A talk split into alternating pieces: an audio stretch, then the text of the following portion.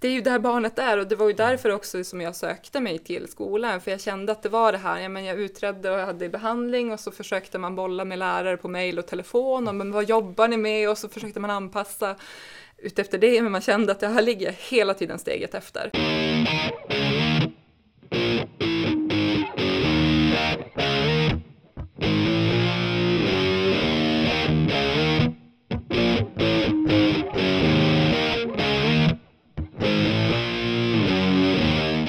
Vi är tillbaka. Välkomna till en ny säsong utav Gränslöst lärande. Tillsammans med mig Niklas Lind och Peter Hjelm.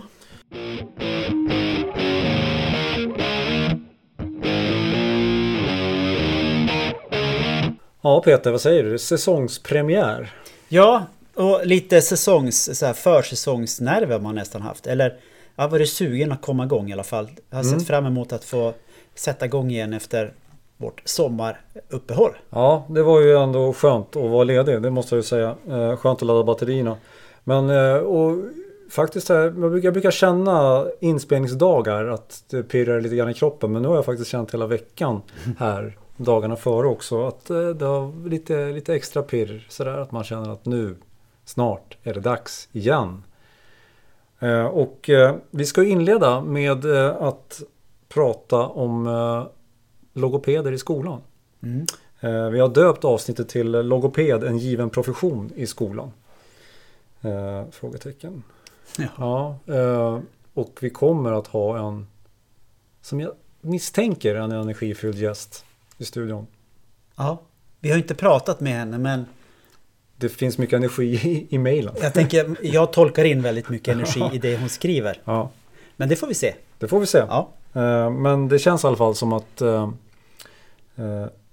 Ja, vi säger väl gästnamnet va? Ja, ja. Julia. Andersson kommer ha mycket att berätta Mm. om det här med logoped och skollogoped. Ja, eh, men eh, först har vi någonting annat. ja, Så vi kör det och sen så tar vi en gäst. vi gör så.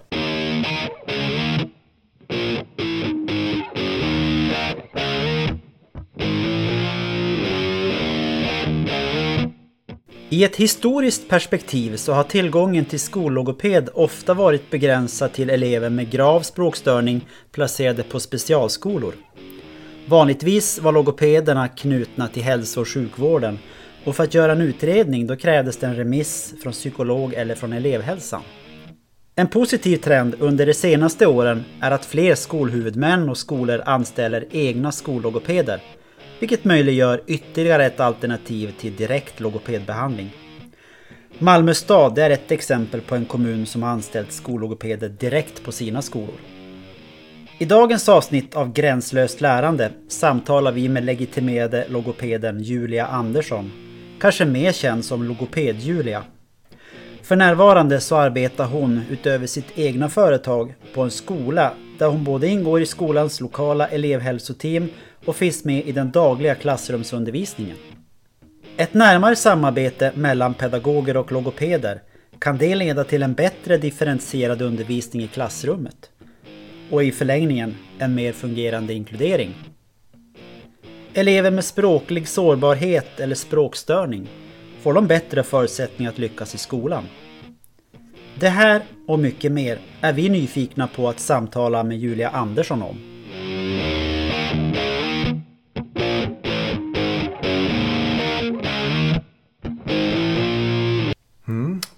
Säsongens första gäst i studion. Eh, Varmt välkommen Julia Andersson. Eh, logoped, skollogoped, egenföretagare. Mm, precis. Är det något mer man Ska vi lägga till något mer? Är, ja, nej, det räcker så Det helt räcker enkelt. Ja, det räcker, det räcker Vi kör den yrkesdelen av Ja. mig. Tack så jättemycket. Jättekul att ha det här. Vi kan ju säga nu att när vi, vi hade ju en plan att du skulle vara här i mars. Mm. Men Men då vi vet det, vad som hände i Ja. våras eller under förra nästan hela året egentligen. Om Ja, men och som februari, mars. pågår fortfarande. Ja. Som Ja. är liksom en ny förutsättning att förhålla sig till. precis. Så det är jätteroligt att vi fick till det här. Ja, och nu känns det som att det är lite också, nu, nu, är det, nu har det landat lite Mm. grann och man vill gå vidare och fortsätta. Mm. Ja, men Så då exakt. känns det som att det här temat passar bra nu, Mm. tycker vi. Eh, vi, eh, vi brukar ha en liten så presentation via Google-sökningar som vi har gjort av våra gäster. Och när man googlar dig så eh, finns det väldigt mycket. Du, är ju, du har gjort logoped-Julia till ett Mm. begrepp. Precis. Hur, eh, hur kom du på det? Var det... Ehm, ja, eh, vi kommer säkert komma in på det, men, men när jag började jobba som, in, som logoped och inom i skolans värld så kände jag mig väldigt ensam, eller ja, jo, ensam. Eh, och ett sätt att nätverka det är ju via sociala medier, en fantastisk möjlighet. Så det var egentligen så det började och det fanns logopedkollegor i andra delar av Sverige som fanns på Twitter var det som jag började på. Eh, och delade inlägg och ett sätt att nätverka och ha kontakt. Och då tänkte jag att ja, men här, jag vill inte blanda mina, med mina privata sociala medier med det här, men jag kände ett behov av att ha kontakt, ett, ett behov av att sprida information. Eh, så på den vägen blev det helt enkelt. Och sen så har det bara rullat på. Det är liksom sådär, oj, vad, vad hände här? Eh, men det är en fantastisk möjlighet att, att nå ut och att hitta igen både då till ja, men blivande logopeder, logopedkollegor, men även då till andra ja, men yrkesverksamma lärare, fritidspedagoger, speciallärare, specialpedagoger, rektorer, alla inom skolans värld, att kunna nå ut utanför ens egen krets. Så att jag tycker att det är jätteroligt och viktigt. Ja, men, och inte förglömma ja, men föräldrar och anhöriga också till, ja, men till barn och unga med språkstörning till exempel. Och nu när vi pratar om din profession så både jag och Niklas har sett på en, en väldigt bra föreläsning som vi såg på UR Play. Ja, tack! Som du gjorde om språkligt sårbara elever. Ja, Varmt, varm rekommendation på den. faktiskt. Ja. Mm. Så himla roligt att ni gillade den. Mm. Det var ju liksom i början när det här logoped-Julia precis hade tagit fart, så att då, då är jag en sån här ja-sägare. Så då säger jag ja till lite läskiga grejer. Eh, men, men det här är ju en viktig sak att prata om. Mm. Men var det i det, i, i det steget eller skedet som du började föreläsa också Mm, eller? Precis. Mm. Eh, Så att det är ju en del av mitt, med mitt egna företagande, att jag föreläser och handleder. Och då kopplat till ja, men språk, språkstörning framför allt. Mm. Eh, och i, när man pratar men i förskolan och skolans kontext så ska vi utgå från det, ja, men det här hälsofrämjande salu- salutogena. Så att det är också med den ingången att, att jag får prata om, om ett språkstödjande arbete, vilket jag tycker är jätteroligt. För, för det, det märker man också i, i googlandet att man, du har ju nått ut nationellt verkligen. Att Mm. det, det finns, finns saker kopplat ner i Skåne Mm. till dig och sådär överallt. Så Mm. det är kul att du har nått Mm. ut på det sättet. Ja, men och att det man gör får ringa på vattnet. Jag tänker att nu ploppar det upp, ja, men på Instagram så är det flera nya liksom, skollogopedkonton som ploppar upp och det är liksom så fantastiskt att man kan få, jag menar att det sprids. Mm. Och det är ju inte bara jag, men, men eh, det är ju liksom vi tillsammans och att man i skolan börjar upptäcka på allvar att ja, men det här med logopeder, det är rätt schysst. Ja. Och det, ja, det är rätt schysst. Ja. Du, eh, jag tänker bildstöd och, tecken som stöd, Mm. det är ju bra funktioner när man ska jobba med, med den här elevgruppen. Nu har vi inte det, men vi har ändå tre begrepp som jag tänker att du ska få reda ut. Mm. Så att det blir lättare för lyssnarna att förstå vad vi pratar om. Ja. Om vi börjar med det första som är logoped. Hur Ja. skulle du beskriva det på enkel svenska? På enkel svenska, eh, ja, nu höll jag på att göra en sidospår, de pratade om ordet logoped eh, på eh, sp- språket i P1 i, ja, här i veckan. Men i alla fall, logoped det är en, ett medicinskt yrke i grunden, ett tvärvetenskapligt yrke. Du läser medicin, du läser lingvistik, alltså språkvetenskap, du läser även psykologi och så läser du logopedi. Och som logoped så kan man säga att du är expert på allting som har med från halsen och uppåt. Alltså tal, språk, röst, kommunikation, men även att sväljförmågan. Och då tänker jag också att det är viktigt att, ja men vad är tal och vad är språk och vad är röst? För många när man pratar logoped då tänker man det är någon som tränar R-ljudet. Eh, och då blir det också så här, är det så många i skolan som har svårt att säga R? Ja, inte riktigt. Men talet, det är ju det, liksom, det vi hör att forma språkljuden. Och rösten, det är ju här som sitter då, nu pekar jag på eh, struphuvudet, stämbanden. Eh, och sen språket är ju det här att, att, ta emot och förstå och formulera och hantera. Och det gör vi med kommunikationen, det här mellanmänskliga. Så att det är en yrkesgrupp som är specialiserad på från halsen och uppåt, egentligen kan man tänka. Mm. Och att språket, det sitter ju i hjärnan. Mm. Att, att språket är ju den här förmågan vi har att förmedla det vi tänker, tycker, känner. Och därför är vi så viktiga i skolan, tänker jag. En självskriven yrkeskategori. Mm. För det är det vi ska göra i skolan. Och dit kommer vi. Ja. Kommer vi. ja. Eh, språklig sårbarhet? Ja, eh, språklig sårbarhet är ju ett pedagogiskt begrepp som kom för några år sedan. Det finns en jättebra bok som handlar om det. Där bland annat då Barbro Bruse, som är logoped men då professor i specialpedagogik, har varit med och skrivit den. Och det handlar ju om att när en individ, alltså att man kan hamna i språklig sårbarhet. Alltså en, en, ett barn vars språklig förmåga möter då omgivningens krav, skolans krav på språket. Och att det är för höga krav. Situationen och sammanhanget ställer för höga krav på barnets språkliga förmåga. Då hamnar man i en språklig sårbarhet. Och i, inom det här begreppet så rymmer vi ju inte bara då, ja, men, diagnoser, utan det är just det, men det handlar om förutsättningar. Eh, kanske inte bara då hos individen, utan också hos, samman, hos sammanhanget. Och om man då ska prata, ja, men hur många kan befinna sig i språklig sårbarhet, då kan det ju vara alltså uppemot 20 procent. Mm. Mm. För det kan ju handla då men om du ska lära dig svenska som andra språk och vi inte har anpassat förutsättningarna, vi har inte en, en verksamhet som är byggd för det, vi har inte kunskap om andraspråksinlärning, men då hamnar jag ju i språklig sårbarhet. Det handlar inte då, då handlar det mycket om omgivningens krav på min språkförmåga. Så att det rymmer verkligen ja, det från brett, en, ett brett, brett mm. eh, men också ett viktigt begrepp, för jag tänker att det ringar in hur viktigt språket är. Inte bara i skolan, men också i samhället i stort. Mm. Ska vi ta det sista begreppet? Ta det sista begreppet. Mm. Språkstörning. Ja, och där kommer vi in på liksom en, en medicinsk diagnos. Och språkstörning är en kanske en av de mest okända eh, funktionsnedsättningarna. Men det handlar om när språket inte utvecklas som förväntat. Och då kan ju vara både att uttrycka, men även att förstå. Eller då bara att förstå eller bara att uttrycka. Så att, att, att när språket inte utvecklas som förväntat och när man har svårt att använda språket. Svårt att uttrycka och förstå sig. Det kan kännas lite grann så här utåt sett att man att språklig sårbarhet och språkstörning eh, alltså det har exploderat i antal hos elever i, liksom, i mm. skolan de senaste åren. Men är det så eller beror det på någonting annat? Jag tänker dels så beror det på en ökad medvetenhet kring att det här finns eh, språkstörning, speciellt i skolåldern, så kan man, då är det oftast den, den här språkstörningen som kanske inte alltid hörs hos yngre barn, eller om vi pratar förskola, eller, ja, så, så är det kanske mer de här hörbara svårigheterna, att man kanske har svårt med ett eller flera språkljud, det kanske blir svårt grammatiskt, men sen så kommer det, det fixar ofta som till sig, man tränar och man kommer ikapp den biten, men sen när man kommer upp i skolåldern, och det är väl här det blir det här att, att men det är så många, alla har språkstörning nu, mm. vad är det här, varför pratar vi så mycket om språkstörning?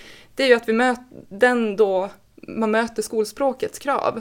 Och skolspråket ställer helt andra krav på vår, på vår språkförmåga än vardagsspråket. Och man kan som samtalspartner, man kan anpassa utan att man vet om det kanske och följsamhet, men, men skolspråket är ju det det är. Vi har, här har vi det liksom på bordet, uppgiften vi ska göra. Eh, så att när vi ska använda språket som verktyg i lärande, men även då i socialt, då, då kan, är det som att den här språkstörningen blommar upp igen. Vad är det här för någon typ av svårigheter? Så en ökad medvetenhet om att språkstörning finns, och de här barnen har ju alltid funnits, eh, men vi kanske har sett andra svårigheter, alltså sekundära svårigheter relaterade till språkstörningen. Att vi har sett ja, men beteendesvårigheter. Jag brukar alltid, ja, men hur lätt är det att koncentrera sig om jag inte fattar det som sägs? Och så kan ju det leda till olika saker hos individen. Men, men just det här, men vad är det som är grund, vad ligger bakom, Precis. vad står det här beteendet för? Och mm. liksom titta bortom det och tänka att, att allt beteende är ju kommunikation, jag förmedlar ju någonting med det jag gör. Och handlar det om att jag inte förstår sammanhanget och då istället agerar ut, så är ju det en jätteviktig ledtråd. Eh, så, så, tidigare har det alltså hamnat någon annanstans? Ja, fast precis. grunden har varit ett ja, Precis. Ja. Så nu tillsammans då, det, att vi har den här ökad medvetenheten och då att vi ställer, jag tänker samhället också idag ställer ju jättestora höga krav då på vår språkliga förmåga. När skulle, ursäkta, ja. när skulle, när skulle du säga att, att, det, att det började bli så att just språkstörning blev det som man kanske såg då i första hand? Som att det var där problematiken låg? Man kanske inte gör det överallt än. Jag tänker att vi, vi är liksom i början på den resan. Eh, nu, ja, men nu nämnde jag men 20 procent med språklig sårbarhet. Om man i genomsnitt ska prata elever med språkstörning, då är det två i varje klass. Mm. Det, det jag tänkte, min fråga, eh, många gånger är kanske beteendeproblematik. Ja, det man ser. Det man ser. Ja. Men, men det kan bottna i att det, mm. det handlar om att det är en, en språklig sårbarhet. Precis. Man har inte gått på djupet i det. Nej. Och jag tänker också som det ser ut idag i skolan så är det ju då, då vill, liksom, vill vi åtgärda den här beteendeproblematiken. Och sen måste vi gå vidare i det. Så att jag tänker där också att ha få det här liksom tvärprofessionella perspektiv på, på, på elever i svårigheter. Det är ju där vi kan verkligen nå fram och hitta rätt åtgärder för att också bygga långsiktigt. Ja, men vad behöver den här eleven framgent? Och stärka eleven med strategier. Mm. Utifrån ett logopedperspektiv, mm. Eh, vilka är de största utmaningarna i skolan? Att vi inte är en obligatorisk del i elevhälsan. Eh, och det leder ju till, tänk att det finns, det har ju hänt jättemycket, logopeder är ju den yrkesgrupp som ökar mest inom elevhälsan, så, som inte då är, är självklar. Eh, men det gör ju också att det, det är lätt att ifrågasätta, vad ska vi ha logopeden till? Eh, man kanske inte får plats, får utrymme i de sammanhang där man skulle kunna bidra.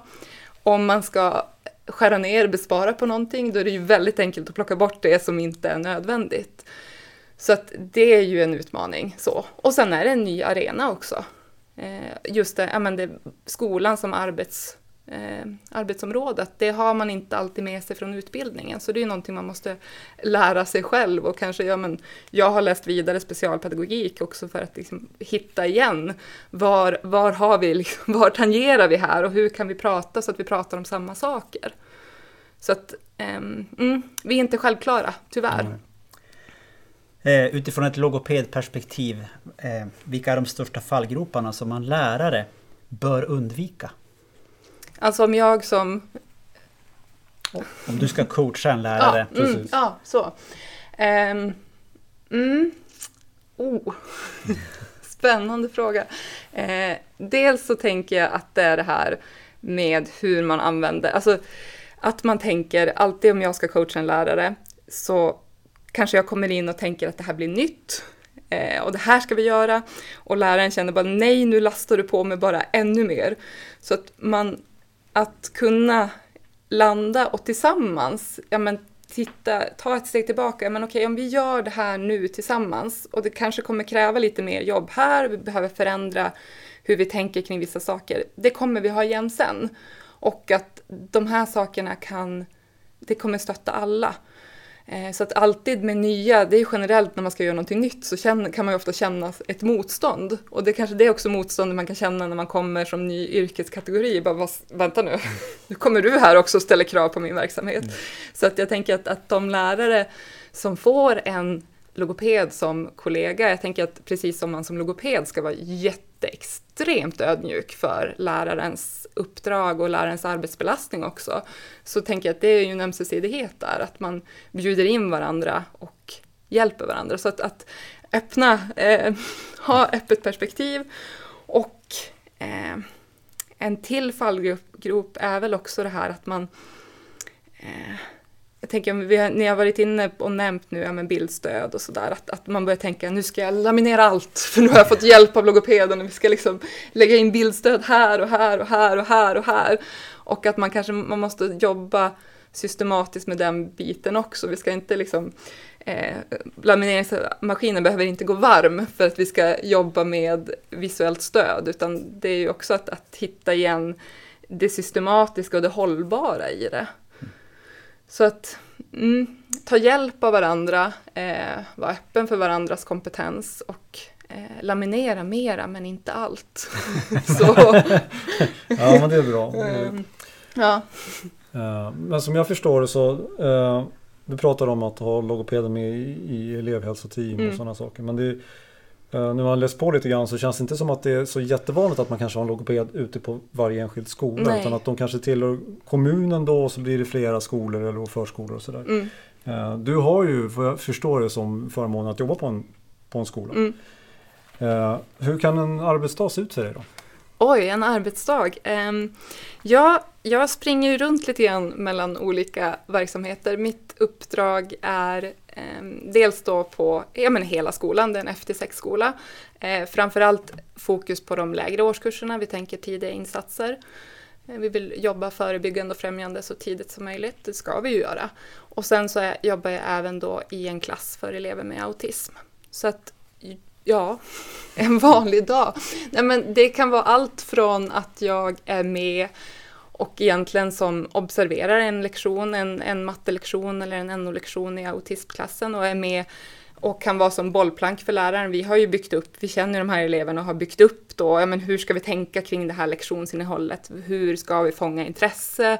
Hur kan vi bygga presentationen så att det är inte för mycket men samtidigt så att det stimulerar och motiverar. Där kan jag vara med på rasterna också och stötta i det sociala samspelet. Kanske ta något liksom, coachande samtal med en elev just kring ja, men, hur gör man? Hur ska vi tänka nu? Hur ska jag ta kontakt? Om det blir fel här i det sociala, hur ska vi jobba med det? Um, så till att jag eh, kanske då går in och håller i helklass i årskurs ett eller två. Att vi jobbar utifrån det tycker jag är fantastiskt roligt att, att få eh, bygga upp och jobba med en hel klass och då kanske det är en klass där jag vet att här finns det många elever som är sårbara. Så då kanske vi inleder då helklass, jag jobbar med eh, högläsning och kanske fokus då på berättarstruktur och att förstå mellan raderna, men hur gör man det?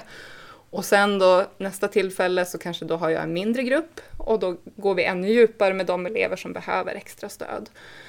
Eller så kanske jag träffar någon elev en till en och jobbar med alltså det. Ja, finns det ens någon vanlig arbetsdag? Ja, men det är variation. Ja, ja men... Hinner du med raster och, och Ja, äta för det lunch mesta. och sådär? Ja, och men- gå, gå på toaletten? Gå på toaletten, det, det hinner jag.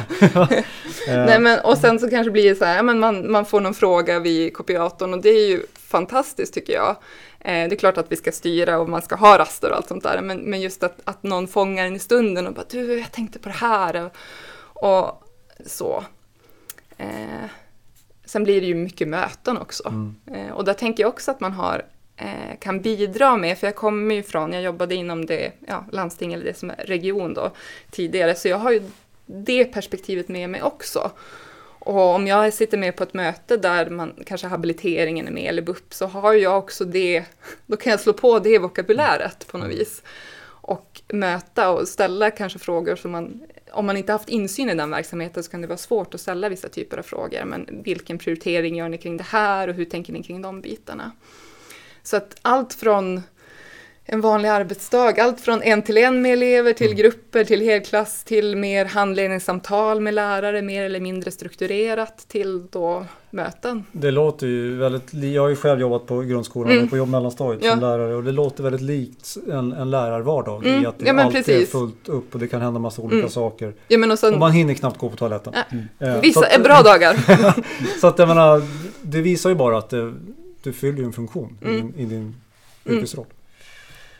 Eh, Vi tog del av ett inlägg på språkforskning.se under Ja. vårt researcharbete och eh, bland annat så var det en skribent där som lyfte fram det här med eh, direkta, alltså enskilda elever i liten grupp Mm. eller team teaching kontra indirekta samarbeten med Mm. konsultation. Mm.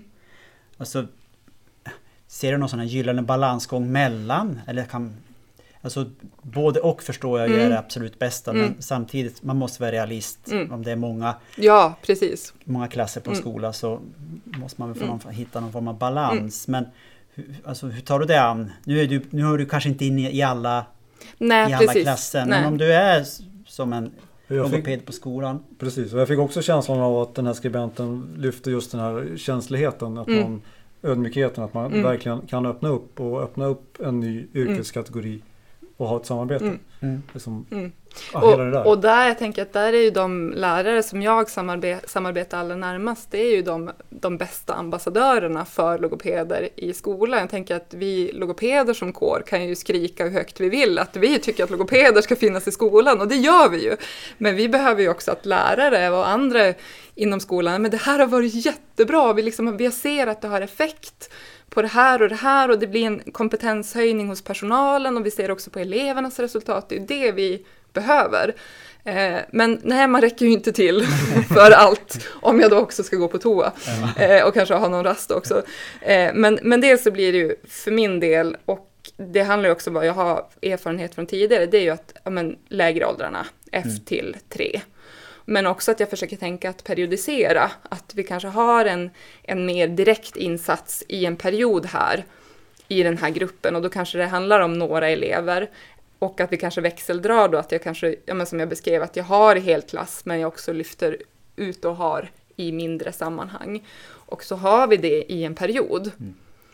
Och det, det, där blir det också så här, samtidigt blir det en form av handledning till personalen, för då kan ju, det är ju det som är det fantastiska, att få göra det här tillsammans med läraren. Och läraren kan se hur jag jobbar, hur jag anpassat materialet, hur jag anpassar och jobbar med mig själv som verktyg för att förstärka och förtydliga det språkliga. Och sen kan vi liksom periodisera det är ju, tänker jag, en, en jättebra nyckel och också gör att man kan utvärdera de här perioderna rätt tydligt att men vi har ett start och vi har ett slut. Och vad hände under den här perioden? Så. Och då, jag tänker också att det är viktigt att visa på effekterna och att det vi gör gör skillnad. Ja, Jag ser ju alltså att, ha, att, att, att man har ett konkret samarbete och att som sagt du har redan beskrivit att du är ute i klass Mm, gör ju att effekten känns ju som att den är ganska given. mm. Än att, på, ett, på ett annat plan än om du bara skulle ha konsultation. Mm. Så. Nej, men och man får, jag tänker dels får jag mycket det blir ju det här relationella med eleverna, men jag tänker det är ju minst lika viktigt med personalen. Och ibland så var jag vet att jag är liksom oanmält smög in på en lektion och sen efteråt läraren och jag blev så, jag var ju så ostrukturerad och jag hade inget bildstöd och, och så tänkte jag nej nu är Julia här och jag bara, men det var bra. och, och jag tänker att, att bara kunna erkänna det och, bara att, och jag tänker också att, att man då som lärare börjar tänka på de där sakerna, men bara där har vi kommit jättelångt. Men om jag skulle komma externt utifrån, tänker jag att det Vissa är ju alltid lätt att samarbeta, men det, risken är att det blir en mer uppförsbacke. Känner, du, känner du av prestigen så? Alltså mellan yrkes... Ibland, tänker jag. Och det, det är ju ingenting kopplat egentligen till person, Nej. utan det jag tänker att det handlar om att man har en, en belastad arbetsvardag och man vet inte riktigt, men vad står, vad står jag för? Vad står logopeden för? Vad är min roll? Vad är uppdraget?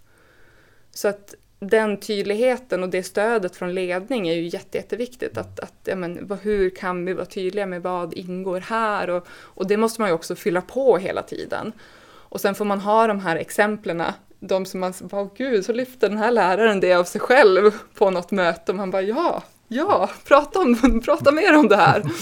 Så det, ja, mm, Mm, men det är... Ja, ja, man blir väldigt inspirerad. Sen också det här med indirekt direkt så vet vi också i forskningen att det som har mest effekt är ju också alltså, desto närmare man jobbar med de här eleverna. Och jag tänker där också vikten av att bygga relation med Mm. eleven och elevgruppen så Ja. att man inte kommer in som ett, ett främmande moment Ja, och så för, försvinner man Mm. bara. Så jag kan tänka mig just det periodiserade Mm. arbetet gör ju att då har jag en möjlighet att lära känna dig som person. Mm. Och det är först när jag känner mig trygg som elev kanske som jag kan slappna av. Precis. För, Och- för många elever. Och också att man rör sig på raster och Ja, sådär. Och det sociala. ja. För det är så mycket, där knyter man ju så många Ja, band. precis. Och, det, och där tänker jag också som språkstörning i skolan, språkstörningens natur, att det kan vara så att den återupptäcks eller att den nyupptäcks i skolåldern. Så det kan ju vara elever som vi inte, ja men skolan har inte varit medveten om de här eleverna tidigare och sen kommer jag in i gruppen och bara, men vänta nu, vad är det som händer där? Och så kan man liksom börja ställa frågor kring, ja, men vad, hur var den första läsinlärningen, vad vet ni från förskolan och ja, men prata med föräldrarna då. Och då kan det komma fram saker, men aha, här finns det en språklig problematik. Men, men den kanske inte har synts tidigare, för man inte haft det perspektivet med sig in i klassrummet. Mm. Ja. Vi går vidare. Ja. Eh, om vi har förstått eh, Svenska Logopedförbundet rätt så, så växer antalet skollogopeder kontinuerligt. Mm. Sådär. Och det är ju väldigt positivt. Eh, men vad krävs för att en logoped också ska bli en bra skollogoped? Eh, Jag brukar när jag föreläser för logopedstudenter och så kommer jag, men om man vill in i det här så brukar jag säga att man ska ha, alltså man, skolans styrdokument, du ska ha Lgr 11 under huvudkudden.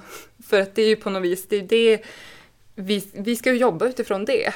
Och det, våra insatser ska öka elevernas måluppfyllelse. Så det är där vi måste också, det är så vi blir relevanta i skolans värld också, att visa men det här vi gör kan bidra på det här och det här sättet utifrån skolans kontext och skolans arena. Så att styrdokumenten och sen också eh, vad krävs? Ja, nej, men jag tänker också en öppenhet och en ödmjukhet, att man faktiskt inte vet bäst så och att tyvärr i logopedutbildningen så har vi ingen pedagogik. Nej, det var lite Ja. precis som misstänkte. Så att jag tänker att det är en sak som jag har då läst vidare själv och läst även specialpedagogik. Och där tänker jag att, att jag bidrar ju med det logopediska, den, alltså språkexpertisen och läraren bidrar med det didaktiska. Och där kompletterar vi varandra, men jag ska ju inte gå in och vara läraren. Även om jag håller i hel klass så tänker jag att det, då har jag ju utifrån mina, mitt språkliga. Och, och sen tänker jag att därför kan ju jag ta hjälp av läraren kring upplägget också. Så att eh, pedagogiken och styrdokumenten eh, är ju det inte att jag, jag ska ju inte bli en lärare, men, men jag behöver ha förståelse för eh, lärarens yrkesroll och, och respekt och ödmjukhet för det. Så att inte jag går in och tänker att ja, men här vet jag bäst. Utan att vi kompletterar varandra. Om det växer sig ännu mer med skollogopeder kanske det också petas in i Mm. utbildningen framöver. Precis. Eller möjlighet att välja Ja. förgreningar Ja men precis, någon typ av val, valbarhet eller fördjupning i det. Och det tänker jag absolut. Och, det bästa är ju utbildning, att man utbildar för verkligheten och för arbetsmarknaden. Och i och med att det växer så pass mycket så i perioder har det varit så, det är nog fortfarande så att många som är nyutexade kommer ut som, det är ens första jobb som skollogoped. Och där är det också att man måste vara medveten om att man är rätt ensam. Mm. Eh, Du, du har ingen i samma yrkeskategori på samma arbetsplats. Och det ställer ju krav på dig själv att vara trygg i din yrkesroll och din yrkesutövning så att du inte heller börjar, ja men vad är mitt uppdrag i det här? Vad kan jag bidra med? Vem är jag i skolans kontext? Men det är kanske mycket tack vare det som jag tänker ditt Instagramkonto, Julia och också. Twitter. Du, sa, du, du har ju räckt ut en hand, du vill Ja, ha jo, ja. kollegor, du vill nätverka och att man tillsammans lär tillsammans. Mm. Men det känns ju dessutom naturligt att, att det är en, alltså en, en given funktion i, i skolans värld. Mm. Att, att logopeden finns där barn och elever Ja, befinner sig exakt! på dagarna. Att man inte ska behöva tänka att jag måste till, till sjukvården Mm, för att... Precis.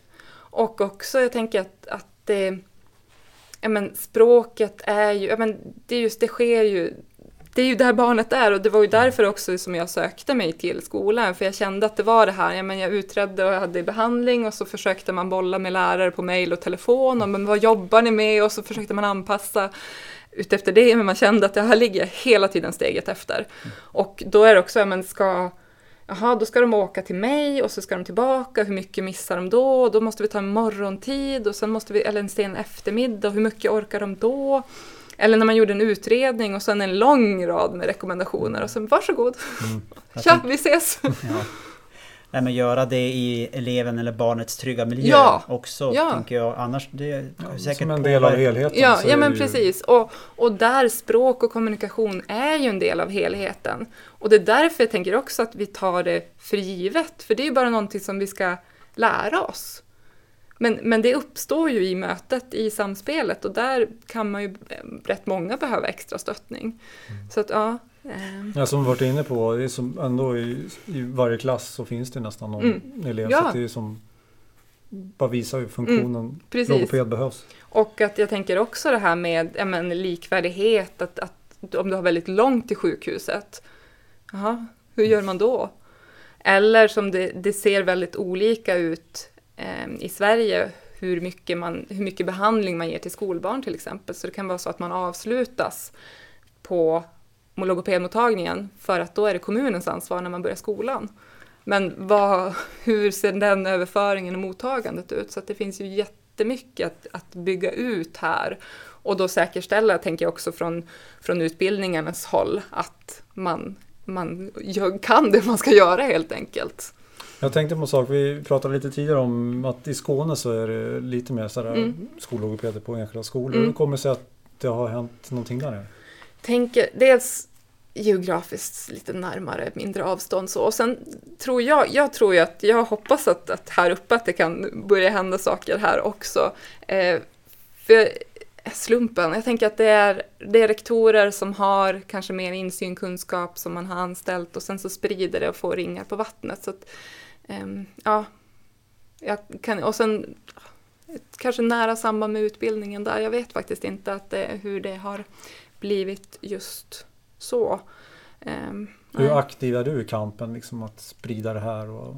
Nu, jag, är, mm, jag tänker att jag är aktiv. Jag, tänkte, jag tänker att jag ska bli ännu mer aktiv. Ja. Men hur ser det ut? Jag tänker eh, söktrycket eller intresset av att få ta del av dig i form av föreläsningar och annat i landet? Mm, ja men nu, det är ju corona. Är corona, men, men, men, annars? Nej men absolut. Och sen tycker jag att det blir det blir lite det här att man väcker den björn som sover, att det är liksom när de har fått lillfingret. Och det tycker jag också med när man samarbetar med lärare på skolan också, att då, då där man har varit inne mer, då är det så här, men här, jag skulle kunna vara hela dagen med dig, hela veckan med dig.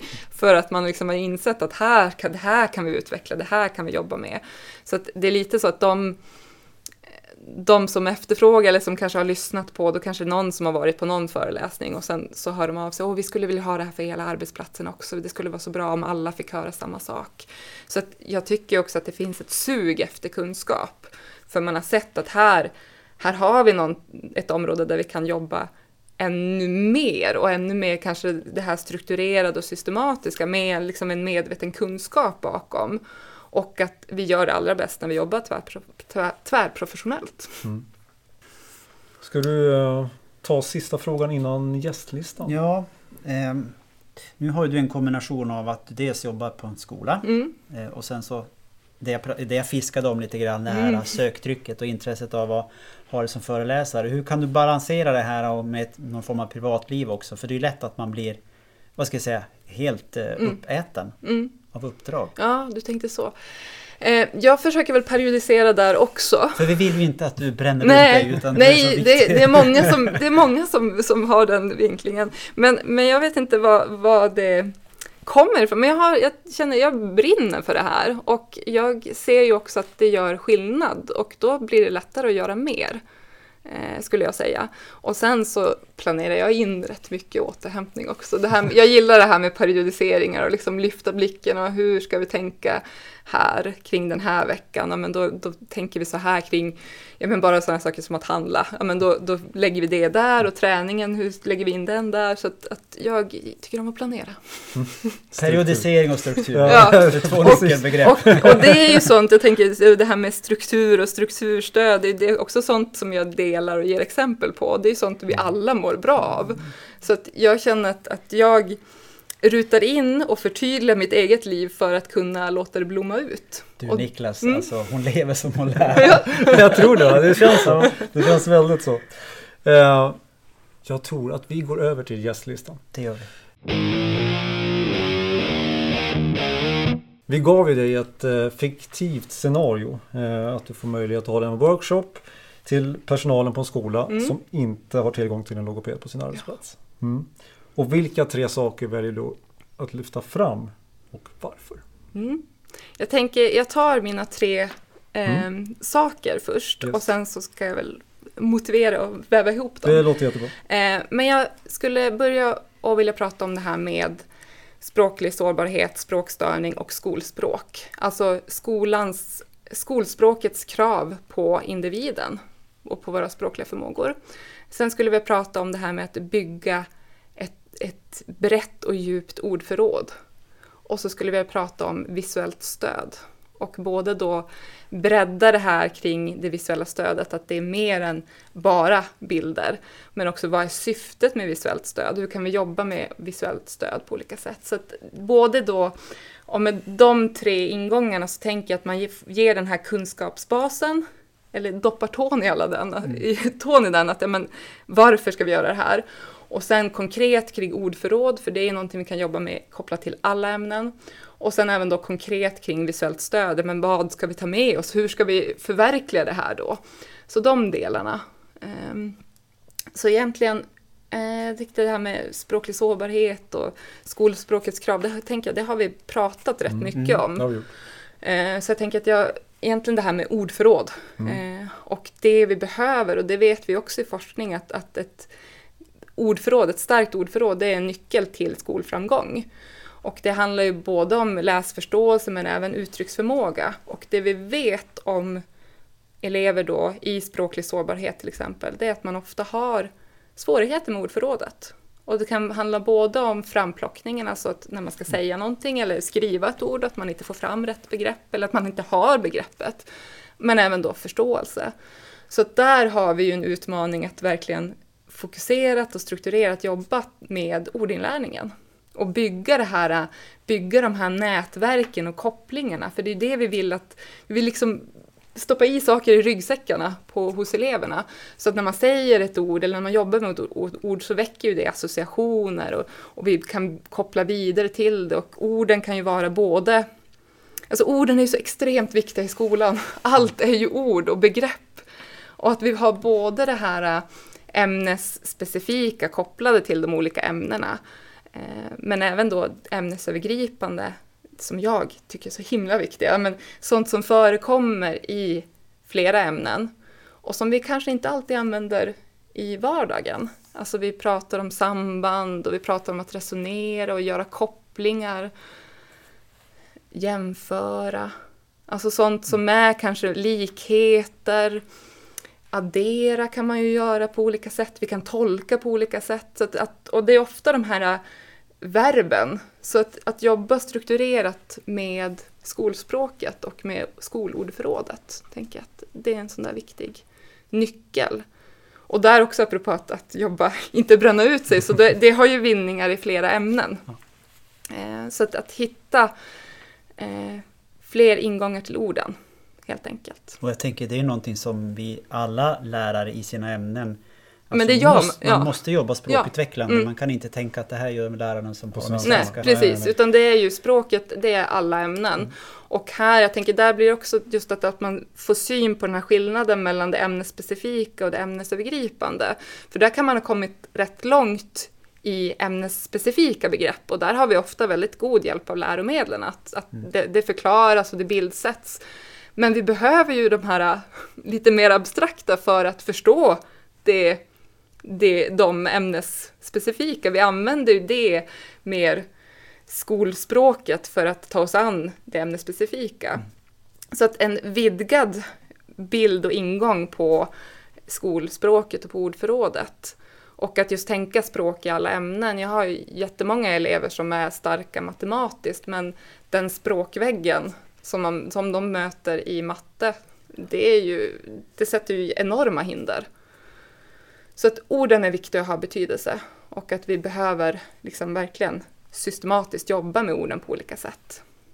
Ska du säga någonting om det visuella också? Ja, ja det ska jag såklart. Visuellt stöd, mer än bara bilder. alltså det som jag var inne på, jag tänker det är ju kroppsspråk, gester, det kan vara en men anteckningar är ju också ett form av visuellt stöd, det skrivna ordet. För annars är ju det språket är egentligen bara då någonting som vi säger, som för, det finns bara här i luften mellan oss, men det är ingenting vi kan ta på.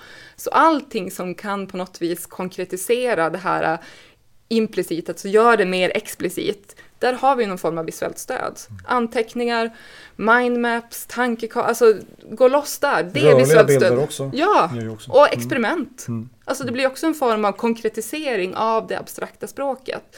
Så att verkligen titta på att det är mer än bara bilder. Vi ska inte laminera allt vi ser och bildsätta allt vi ser. Och där, vi har ju visuellt stöd överallt i vår vardag.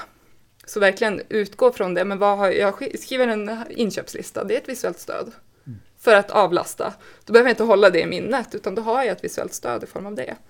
Och där igen, alltså olika typer av visuellt stöd med olika syften. Alltså om vi ska jobba med framplockning av ett begrepp, då är det jätteviktigt att det är en och samma bild. Om jag då, det är något begrepp jag jobbat med och sen möter jag det begreppet i olika ämnen, då är det jättebra att vi har en röd tråd där så att det blir lättare. Men när vi ska lära in ett begrepp så är det jätteviktigt med variationen för att skapa de här många olika kopplingarna till ordet. Så syftet och bredden. Ja, det var väldigt uttömmande och ja, intressant. tack. Uh, har du varit i, haft den här workshop-situationen på riktigt någon gång? Ah, ja, ska jag, har jag det? Annars är det kanske dags. Det är kanske dags, precis. Hör av mig. Ja. Slida in i mina DMs. Och... Det var ett tips till ditt företag. Ja, precis. Nej, men lite, lite åt det stuket. Kanske inte så och det där är någonting, man skulle kunna jobba med evigheter i det där. Det skulle ju kunna liksom verkligen alltså grotta ner sig väldigt, väldigt mycket. Eh, och också då, tänker det som är så häftigt tycker jag, det är när man får det här utbytet och får visa exempel, alltså det här kollegiala och titta, men hur gjorde du, hur tänkte du? Och där lär man sig jättemycket. Så att, ja. Mm.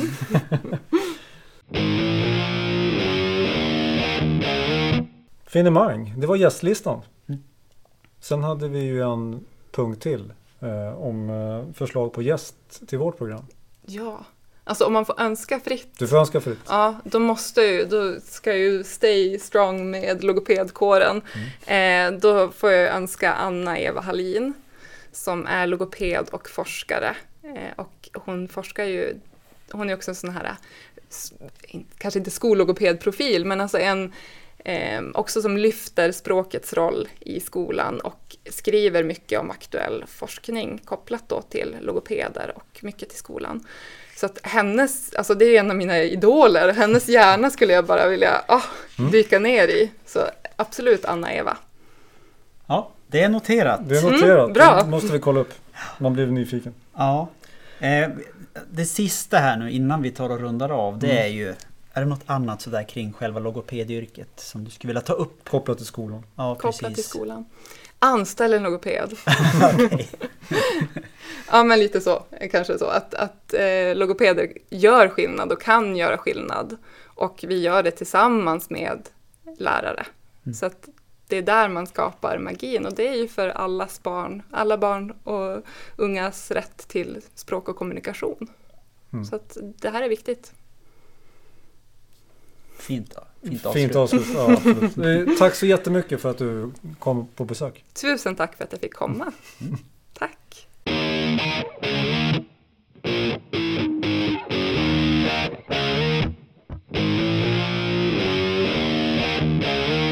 Vi hade ju inte fel Peter. Det kan vi väl säga nu, nu när Julia har lämnat studion att uh, det var mycket energi. Ja, mycket positiv, härlig energi. Ett riktigt energiknippe. Ja, verkligen. Och inte bara energi utan att det fanns väldigt mycket substans i, i det hon sa mm. också. Som mm. väcker tankar och funderingar. Ja, precis. Och alltså, en reflektion från min sida så Det känns så självklart när, när Julia pratar om det här.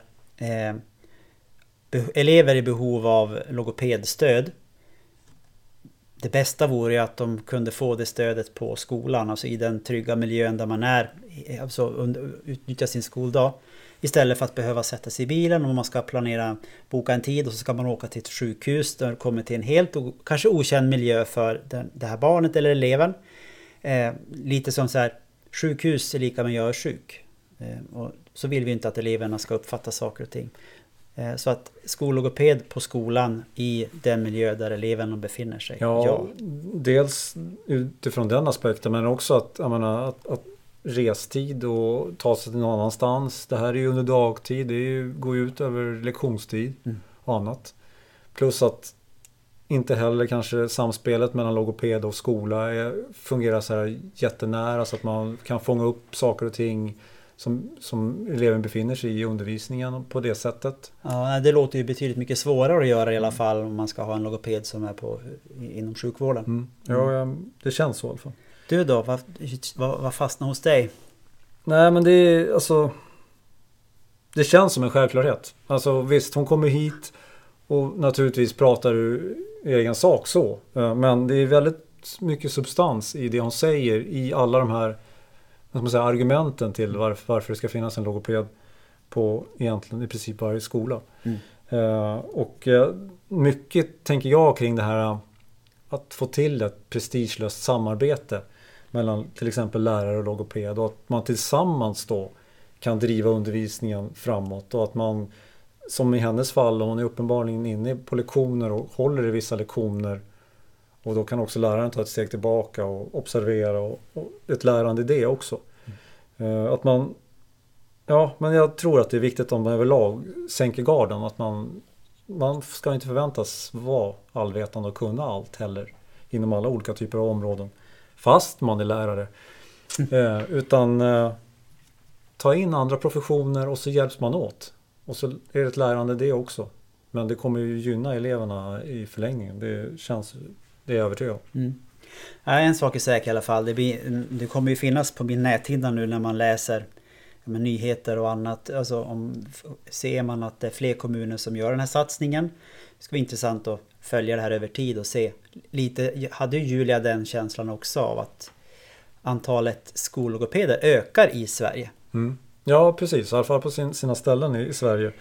Men, men, eh, men då ska man också kanske ha i åtanke att att utbild, logopedutbildningen idag kanske inte är synkad just för att man ska ut i skolan och jobba på det här sättet. Och och på sikt kanske man måste tänka att man kanske inte behöver göra om utbildningen men man kanske också ska lägga, kan lägga till. Alltså mm. man kan förgrena sig och välja Du kanske behöver precis ett tillval, alltså pedagogisk, eh, att du får en pedagogisk eh, del i din utbildning också. Mm. Det skulle ju vara fantastiskt om det gick att göra som ett tillval och sen har jag möjlighet att jobba som skollogoped. Ja, precis.